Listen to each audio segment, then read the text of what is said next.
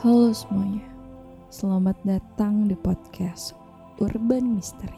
tempat kalian berbagi cerita horor ketika mendaki gunung. Masih bersama gua Beng Umire di sini, menemani di malam Jumat kalian. kalian, kalian, kalian.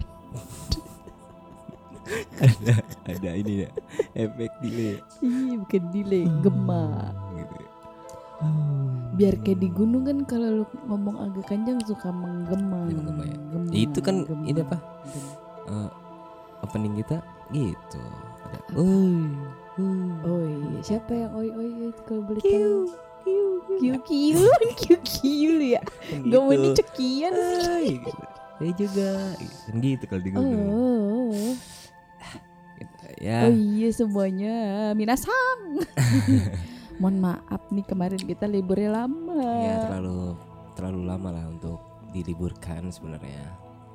Karena Umire kemarin soalnya jadi supir water cannon.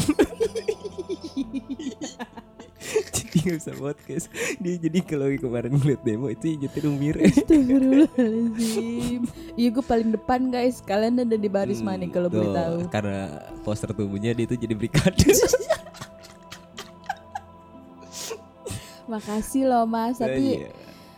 ah, Dasar Udahlah ya gimana gimana gimana. Sekian lama libur apa yang anda punya ibu untuk berbagi info ini? Iya Iya iya Apa ya Ya selain apa ya yang kemarin yang tadi kita omongin barusan juga kalau Indonesia juga lagi kalut sebenarnya gitu. Ya kita berdoa sama-sama Semoga negeri kita tercinta Bisa bangkit Iya, soalnya ini ya eh, apa yang diapresiasiin itu yang kemarin itu demo itu ada hubungannya sama hobi-hobi kita ya kan Re tentang lingkungan hidup Iya Eh, benar gitu. Ada isu itu juga sih Iya. Terus juga kan kemarin khususnya Mapala ya. Ma-. Mapala itu ada yang ikut demo tapi dia bikin ini atraksi itu apa namanya? Raffling dari Hmm. flyover gitu. Dia beda sendiri lah dibandingin yang lain gitu. Iya, cara bentuk protes kita beda. memang bermacam-macam guys. Jadi semuanya tetap semangat ya. Mm, jadi ya buat lain juga buat motivasi juga biar jadi rawat lagi tuh gunung gitu. Banyak yang sayang, banyak yang peduli kan. Iya banyak. Tuh. banget. So banget kita ya. Ya di episode keberapa kan ya? Sa- Sampai lupa gue. 14 Oh apa ya? 14, 14 oke 14. Iya 14 ya. Ya, eh, ada cerita dari seorang. Tapi sebelum masuk cerita, sahabat gue ini akan membagikan info yang menarik ya. Apa? Ada yang buka gak? Gunung-gunung baru buka. Ada nih kemarin lihat di medsos katanya Gunung Slamet udah dibuka. Tanggal Tapi berapa? via Gunung Malang. Via Oh. Gunung Malang tuh mana sih Purwokerto Banyu Banyumas. Ya, sekitar itu. Berarti Bambangan enggak ya? belum Belum. belum belum nemu sih gitu. Mulai tanggal 13 Oktober dibuka. Jadi Buka. kalau yang mau naik ke Gunung Slamet coba via Gunung Malang ya. Cari informasinya lagi gitu. Terus Arjuna Welerang ya? Iya, Arjuna Welerang juga dia tapi via Tretes sama Purwosari. Wah, Purwosari tuh Mantap, mantap. ya, Mm, mantap banyak. jiwa. petilasan.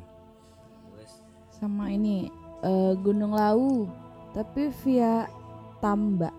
Tamba Tamba. kian dia. Ya, Raono. Raono. Tamba. Oh, Karanganyar.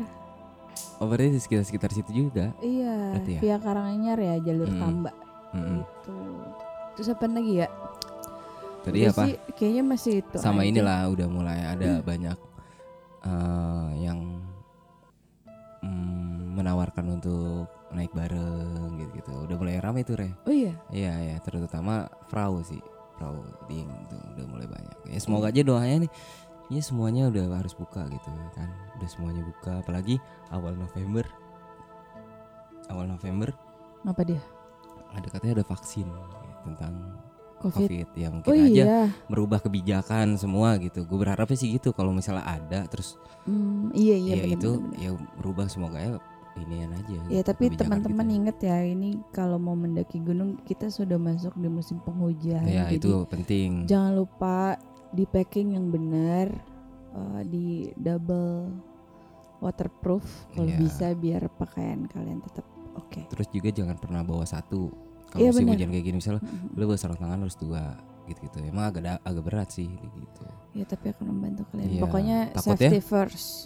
Takutnya yang yang kita bawa basah nggak ada cadangannya gitu Mm-mm. Kalau misalkan emang kalian ada baju ganti lebih, siapa tahu bisa berguna untuk orang yang membutuhkan Nah, gitu. Tuh, okay berbagi. gitu. terus juga P3K-nya tuh harus diinin banget Ya tuh. betul. First Soalnya- aid kit itu bener-bener harus kalian bawa. Mm-mm, soalnya di kehujanan di trek berpotensi kita ini apa takutnya ya Iya hipo. hipotermia gitu Nah, buat teman-teman yang ingin tahu apa itu hipo, apa itu gejala hipo, bagaimana cara menanggulanginya dan Hmm. berbagai macam penyakit di gunung yang sering terjadi kepada kita, monggo disimak video Urban Hikers Di YouTube ya? bersama Dokter Rojitra Tanaya di Hmm. YouTube kita pasti. sama siapa sih tuh hostnya satu tuh Aku ya mau ngeliat Umbire tuh ya ngeliat Umbire ada di top aduh ya ampun. silakan bisa di komen di situ lu celah-celah nggak apa Iya nggak apa-apa, celah aja celah emang gue bocahnya terlahir untuk dicela guys. Makasih. Nah mas ngomong-ngomong soal kita udah hampir berasa gak sih hidup lo kesekip gitu setahun, setahun ya hampir hampir setahun Hmm. ya. Kayak ke mana-mana nggak bisa mau jalan ke sana mikir takutnya. Oke kita misalkan nggak kenapa-napa, tapi Hmm. kan takutnya kita yang membawa gitu. Gue sih ke- kenapa gue belum jalan ke mana-mana gue mikir gitu Mm-mm. guanya insya Allah sehat guanya nggak kenapa-napa tapi takutnya gue yang membawa gitu gue sebagai carrier Mm-mm. virus itu atau gue membawa penyakit kepada orang lain gue akan sangat merasa berdosa sekali pasti.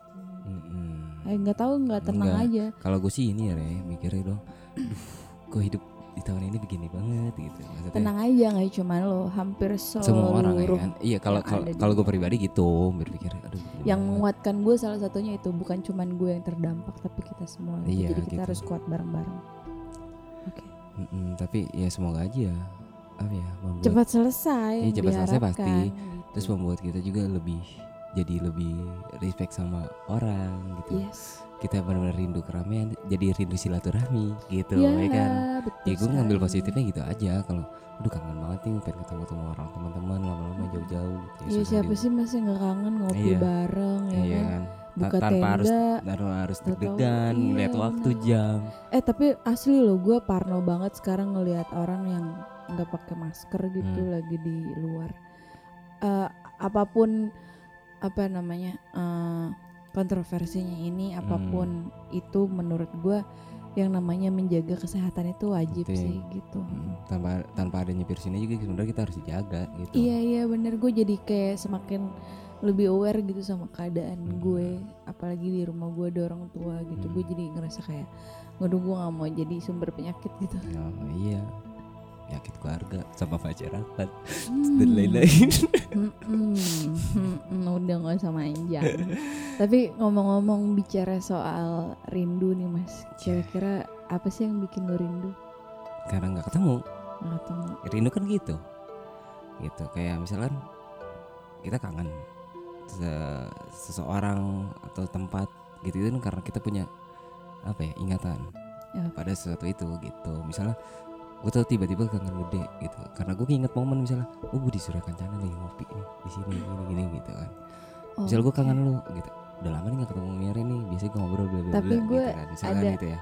bicara soal rindu gue Hmm. jadi ingat Mbah Sujiwo Tijo pernah bilang Mm-mm. kalau puncak terdahsyat dari rindu itu adalah ketika dua orang saling mendoakan. Mm-mm. Ntar diam-diam ya? Diam-diam. Iya. Diam-diam lo kalau ngomong-ngomong mah. Ria Mengutarakan ya. romantis. Aduh bacot Yaudah yuk. Gue juga Lu gak rindu bacain cerita untuk teman-teman di sini gitu? Rindu rindu rindu Iya. tapi benci. Mau pulang rindu Eh apa Mau pulang malu gak pulang rindu gitu? Ya, Tulisan di belakang. Udah yuk. Buktiin rasa rindu lu buat Para teman-teman di sana gitu. Kalau lu punya cerita Bawa ini. Dengan baik. Oke buat teman-teman semuanya. Ada cerita dari siapa? Ntar dulu. Oh ya ada cerita dari sahabat kita. Dia, Tapi ini ya? Di revisi ya? Iya anon lah gitu Hmm. karena menyangkut privasi dan lain hal. Iya. gitu. Jadi kita kita ini amat sangat menjaga privasi guys. Dan everything yang kita ceritakan di sini itu pure dari teman-teman gitu. Oke. Jadi kayaknya nggak akan ada tipu-tipu. Oke, Bis. Segera bacakan ceritanya untuk kalian yang ada di sana. Jangan lupa pakai headset. Dengerin suara aku. Oke. Eh salah, dengerin cerita aku. Oke. Takis.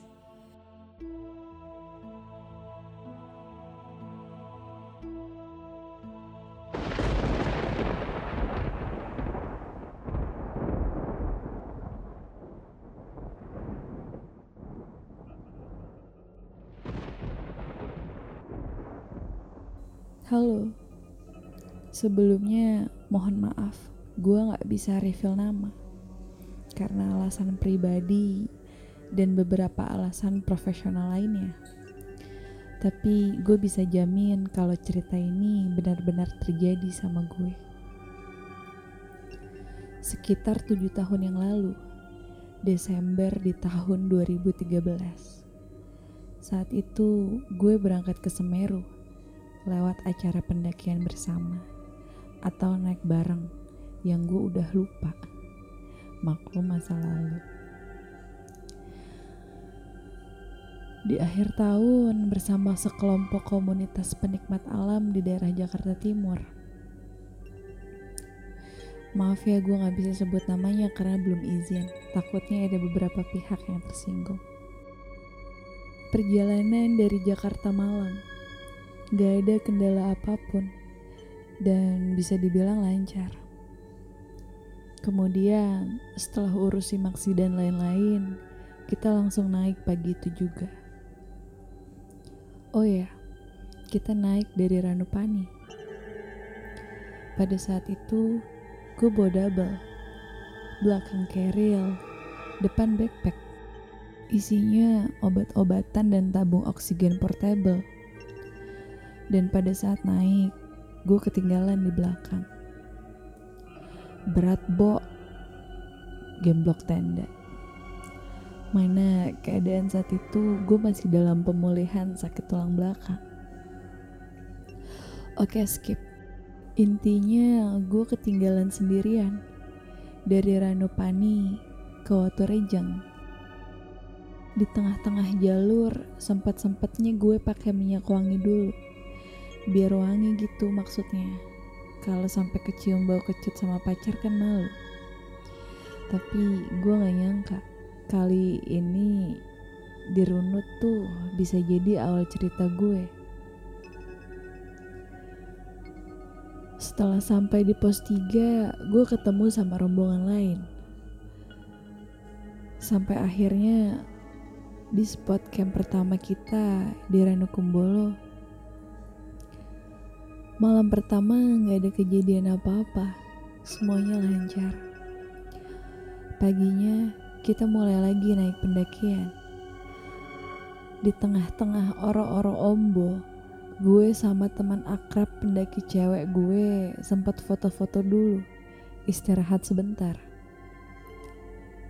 Sampai di belakang ada yang minta medis, akhirnya gue balik lagi ke arah tanjakan cinta. Ternyata pas gue udah sampai orang itu udah gak kenapa-kenapa. Ya udahlah, gue akhirnya di belakang lagi aja buat jaga-jaga. Udah tuh jalan lagi, jalan terus, sampailah kita di Kalimati. Kita buka tenda dan lain-lain, soalnya udah menjelang maghrib. Setelah jadi tendanya, nah gue nih dalam keadaan yang sangat capek. Terus terusir dari tenda panitia, soalnya udah penuh. Ya ngambek lah gue ceritanya. Pokoknya mood gue udah jelek banget sejak di Kalimati. Udah tuh lanjut lagi istirahatnya. Sekitar jam 12 malam atau jam 1 pagi, kita semua dibangunin untuk summit. Berhubung gue yang bawa P3K, gue ditaruh di tengah. Tapi entah kenapa, gue selalu nyampe belakangan.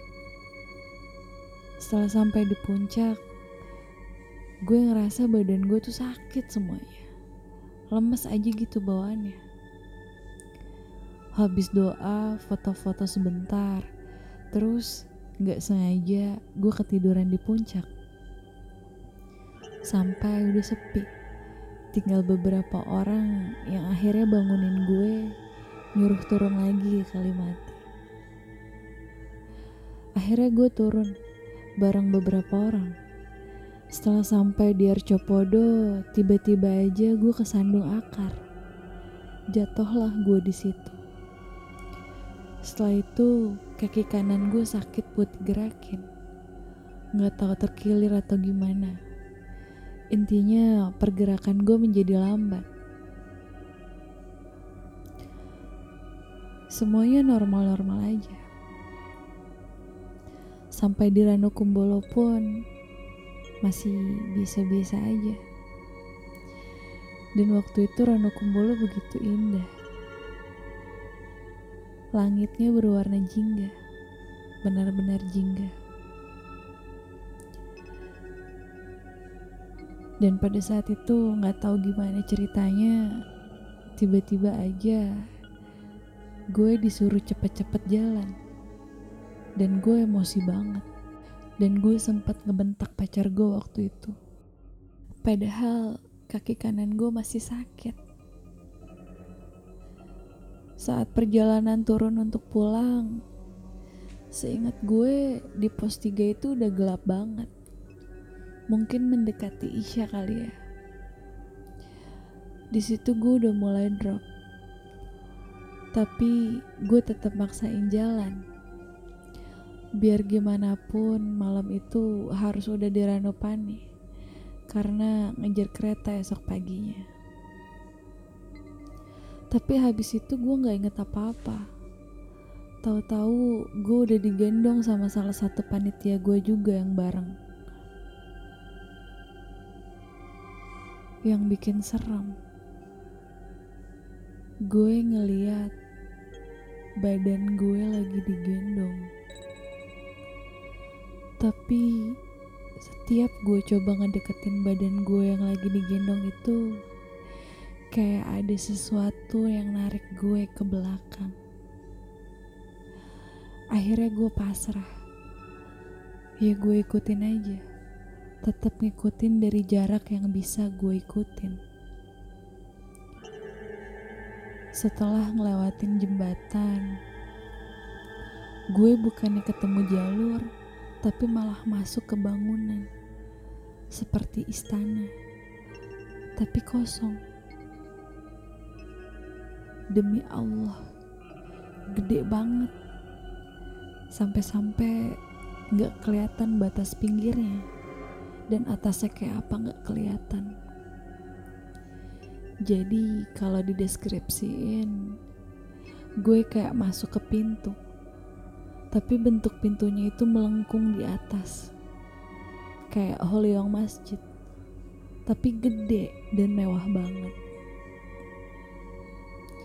Dan gue lihat di luar Holyong itu kayak ada air turun kayak tirai dibilang air hujan juga bukan.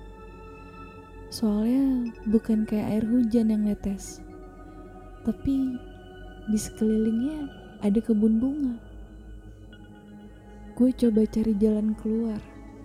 Tapi setiap gue nemuin Holyong dan gue masuk gue ada di ruangan yang sama persis. Jadi gue cuma muter-muter aja di situ. Dan sebenarnya gue nggak tahu ini muter-muter di situ aja atau emang itu istana yang gede banget dan ruangannya sama semua Terus pas gue udah mulai mau nangis dan panik, gue ngeliat sosok bapak gue ngajak gue nggak tahu ke mana. Tahu-tahu gue bangun dan udah ada di dalam tenda di pos 1. Dan kaki gue udah gak sakit lagi. Jadi ternyata malam itu karena udah gak kuat si panitia ini akhirnya memutuskan untuk ngecamp lagi menurut cerita orang-orang yang ada sama gue, gue itu sempat udah gak ada nafasnya. Terus katanya setelah mereka ketemu pendaki dari Tegal, katanya baru naik juga. Akhirnya dibantuin dan dibacain doa gak berhenti-berhenti. Dan di tengah itu ada angin kenceng banget. Sebanyak dua kali. Dan tendanya sempat keangkat. Katanya juga gue sempat kerasukan. Ngamuk-ngamuk sampai beberapa orang megangin gue gak kuat. Mata gue berubah tajam, suara gue berubah menjadi seorang laki-laki dan bilang kurang lebih kayak gini. Kasian anak ini kalau terus ada sama kalian. Biar anak ini tetap di sini supaya bahagia. Saya suka anak ini. Katanya gitu. Jahat banget kan? Dan setelah ngomong gitu, gue balik pingsan lagi. Terus bangun dengan tatapan yang kosong. Dan bilang, di luar tenda ada bapak gue. Tapi tetap ditahan sama orang-orang yang ada di dalam tenda. Sampai akhirnya pagi, gue katanya begitu terus. Pingsan, bangun, sampai ngigo mau ikut sama bapak gue.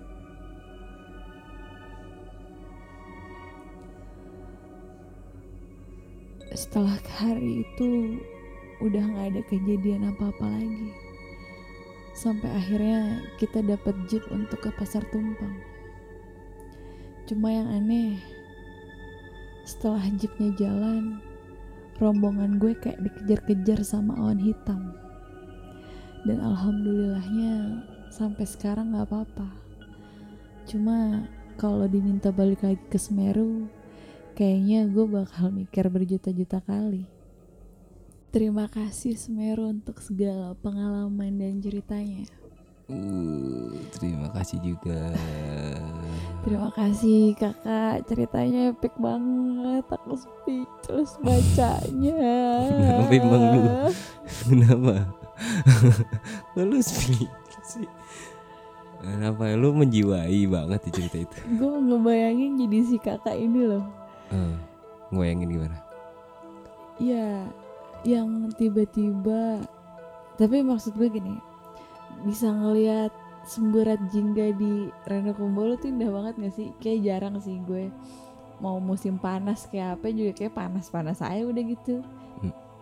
Di Reno Kumbolo lu pernah ngeliat sunset di Semeru kan? Hmm. Sunrise iya sih gitu. Gue tapi gue pernah di Kalimati ada pelangi. Itu full, nggak pelangi cuman garis ya. Ah. Cuman lembayung itu bener-bener lembayung tiga warna.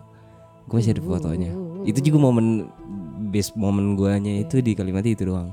Ini dirakum mas, Iya sih jarang. dirakum gitu Pasti dia jarang. ngeliat dia ngeliat eh, langit warnanya jingga gitu ya kan itu udah sore. Mm-mm. Gue eh, I Itu itu know. itu eh maksudnya dia ngeliat jingganya itu di dunia bener atau? Eh, ya di dunia benar gitu Ah. terus Berarti semuanya orang lihat dong. harusnya Nah, terus ya terus pas di perjalanan pulang dari Rakum ke bawah ke Ranupani itu kira-kira di pos 3 mm-mm. ya udah dia nggak sadar Mm. pas di jembatan itu waktu rejeng Mm-mm. dia sa- bukan sa- eh, sadar dalam ketidaksadaran ya Mm. Ngerti gak maksud gue? Eh, dia sadar kalau dia tuh dalam posisi pingsan. Karena dia gini re di ceritanya itu katanya dia melihat diri dia itu di iya gendong. iya, Eh, digendong iya. Digen- lagi digendong sama teman-teman ya gitu. Teman Kayak gimana ya kalau misalnya apa sih ada namanya ada ya? film-film apa tuh ya. namanya ya Oke ada pokoknya di film-film adegan gitu kayak kita yang udah lepas lepas raga gitu ya. iya iya seperti itu Heeh. Man, eh, manunggaling meraga sukma anjay. Anjay. Enggak udah boleh anjay ya anjay. Oh. Terus Iya tapi tapi dia gue nggak tahu dia meraga sukma atau gimana ya. Tapi dari ceritanya si kakak ini dia ngelihat kalau kalau dia itu lagi dianuin digotong sama teman-temannya lu itu lu yang bener juga apa kalau ngomong? Dianuin sama teman-teman gue kan ambigu gitu lu yang jelas. Sampai- di gua bener-bener- ditolongin. Iya, dia iya. kayak dievakuasi lah iya, gitu. Iya iya itu dia kakak. Tapi maksud gue gue gue bener-bener nggak tahu sih kalau gue jadi si kakak ini. Gue bener-bener nggak tahu apa yang harus gue lakukan gitu. Gue ngelihat badan gue mas lagi di lah ini gue lah itu gue gitu kan. Jadi kayak nggak tahu gue Iya. mungkin bingung kalau lu bingung iya nggak tahu. kalau kalau si kakak ini re emang katanya itu dia pernah ngalamin hal kayak gini maksudnya gitu ya dia nih unik lah kata gua menurut halnya apa ya menurut cerita dia sendiri gitu Iya iya maksud gue gimana ya mas? Epic nggak tahu epic nggak tahu serem nggak tahu keren nggak tahu apa. Cuman gitu gue speechless banget ini baca Hmm. ceritanya. Sampai Dan- akhirnya dia itu loh mas yang dia bilang dia kayak masuk ke dalam nah ini sebenarnya intisari ceritanya itu ini kata dia gitu. Dia tuh dia ngalamin gua tuh dibawa ke suatu istana gitu. Kata dia istana. Dan apa namanya? Tadi kata dia kalau dia apa? Pintu yang tinggi itu? Bukan tinggi eh bukan pintu atap Holyong. Oh yang itu pintu masjid kayak pintu masjid yang gede tuh Oh. tinggi gitu lewatin orang Pokoknya kayak pintu gede gitu Iya iya. kayak model ini Taj Mahal gitu tuh Holiong Oh, tuh oh, gitu oh, oh, tau kan Iya iya. ya iya, ngerti iya, kan lu iya, sekarang iya. eh itu dia namanya Dan itu lu browsing dah kalau nggak ngerti dah. iya oke harus. itu masuk Set, di dalam itu ada taman bunga Oke, Dan indah banget berarti ya. gini apa ya Istana. gue langsung berpikir setiap pendaki yang pernah ngalamin katanya melihat istana dan dan bentuknya megah segala macem ya gue percaya deh di, di di setiap gunung tuh di alam lain lah itu ada istana gitu yang dihuni sama mereka mereka gitu Iya, tapi kan kita udah beda dimensi. Iya, Beda iya. Katanya gini Re lo. Pernah gue juga denger kalau orang yang hilang di gunung itu katanya ya tinggalnya di situ. Nah ini kan seolah-olah nih si kakak ini kan kayak ibaratnya tuh di apa ya dirayu untuk tetap di situ untuk tinggal di Iya, situ. Dengan gitu. segala kemegahan nah dan dengan segala keindahan, keindahan di ya, dalamnya itu gitu. Iya, iya, Kita tuh iya. jadi ya gue pribadi sih ya sama lu pasti berpikir ya gue dapat pelajaran baru di sini gue dapat cerita baru gitu kan Hmm. ternyata tuh apa ya realitanya begitu gitu loh pas di saat kita tuh ya dibawa di alam mereka itu gitu. Tapi itu tipu daya gak sih? eh ya bisa lah tipu daya. Semuanya kan di alam dia kan.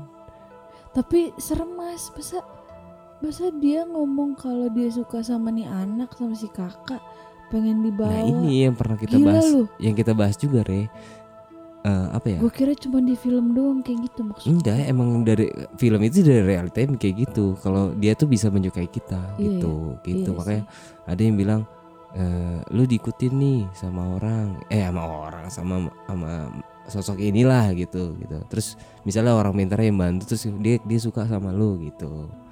Nah kayak gitu. Kayak model yang salah satu juga narasumber kita yang tadi gede itu dia tuh kayak Iya. suka ya kayak gitu modelnya Oh, gitu. iya. ada yang benci ada yang suka. Sama dia kan makhluk hidup. Oh, ya kan? Makhluk hidup kan ya Gak tahu bisa dia sebutnya makhluk hidup apa enggak? Gak tahu. Iya pokoknya makhluk, makhluk, udah mati.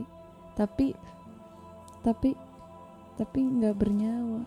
Iya pokoknya kan dia jadi bahas ya? lu nalar lu gak nyampe Iya, ke situ. nyampe kayak gue. gitu. Ya ya pokoknya gitu lah pokoknya guys. Kayak gitu lah kayak gitu re sebenarnya tuh gua yakin kalau di di sana tuh emang ada istana. Dan salah satunya yang di Gunung Selamat itu katanya itu adalah gerbang kerajaan. Ya berarti lu bisa bayangin tuh kerajaan itu kayak gimana. Wow.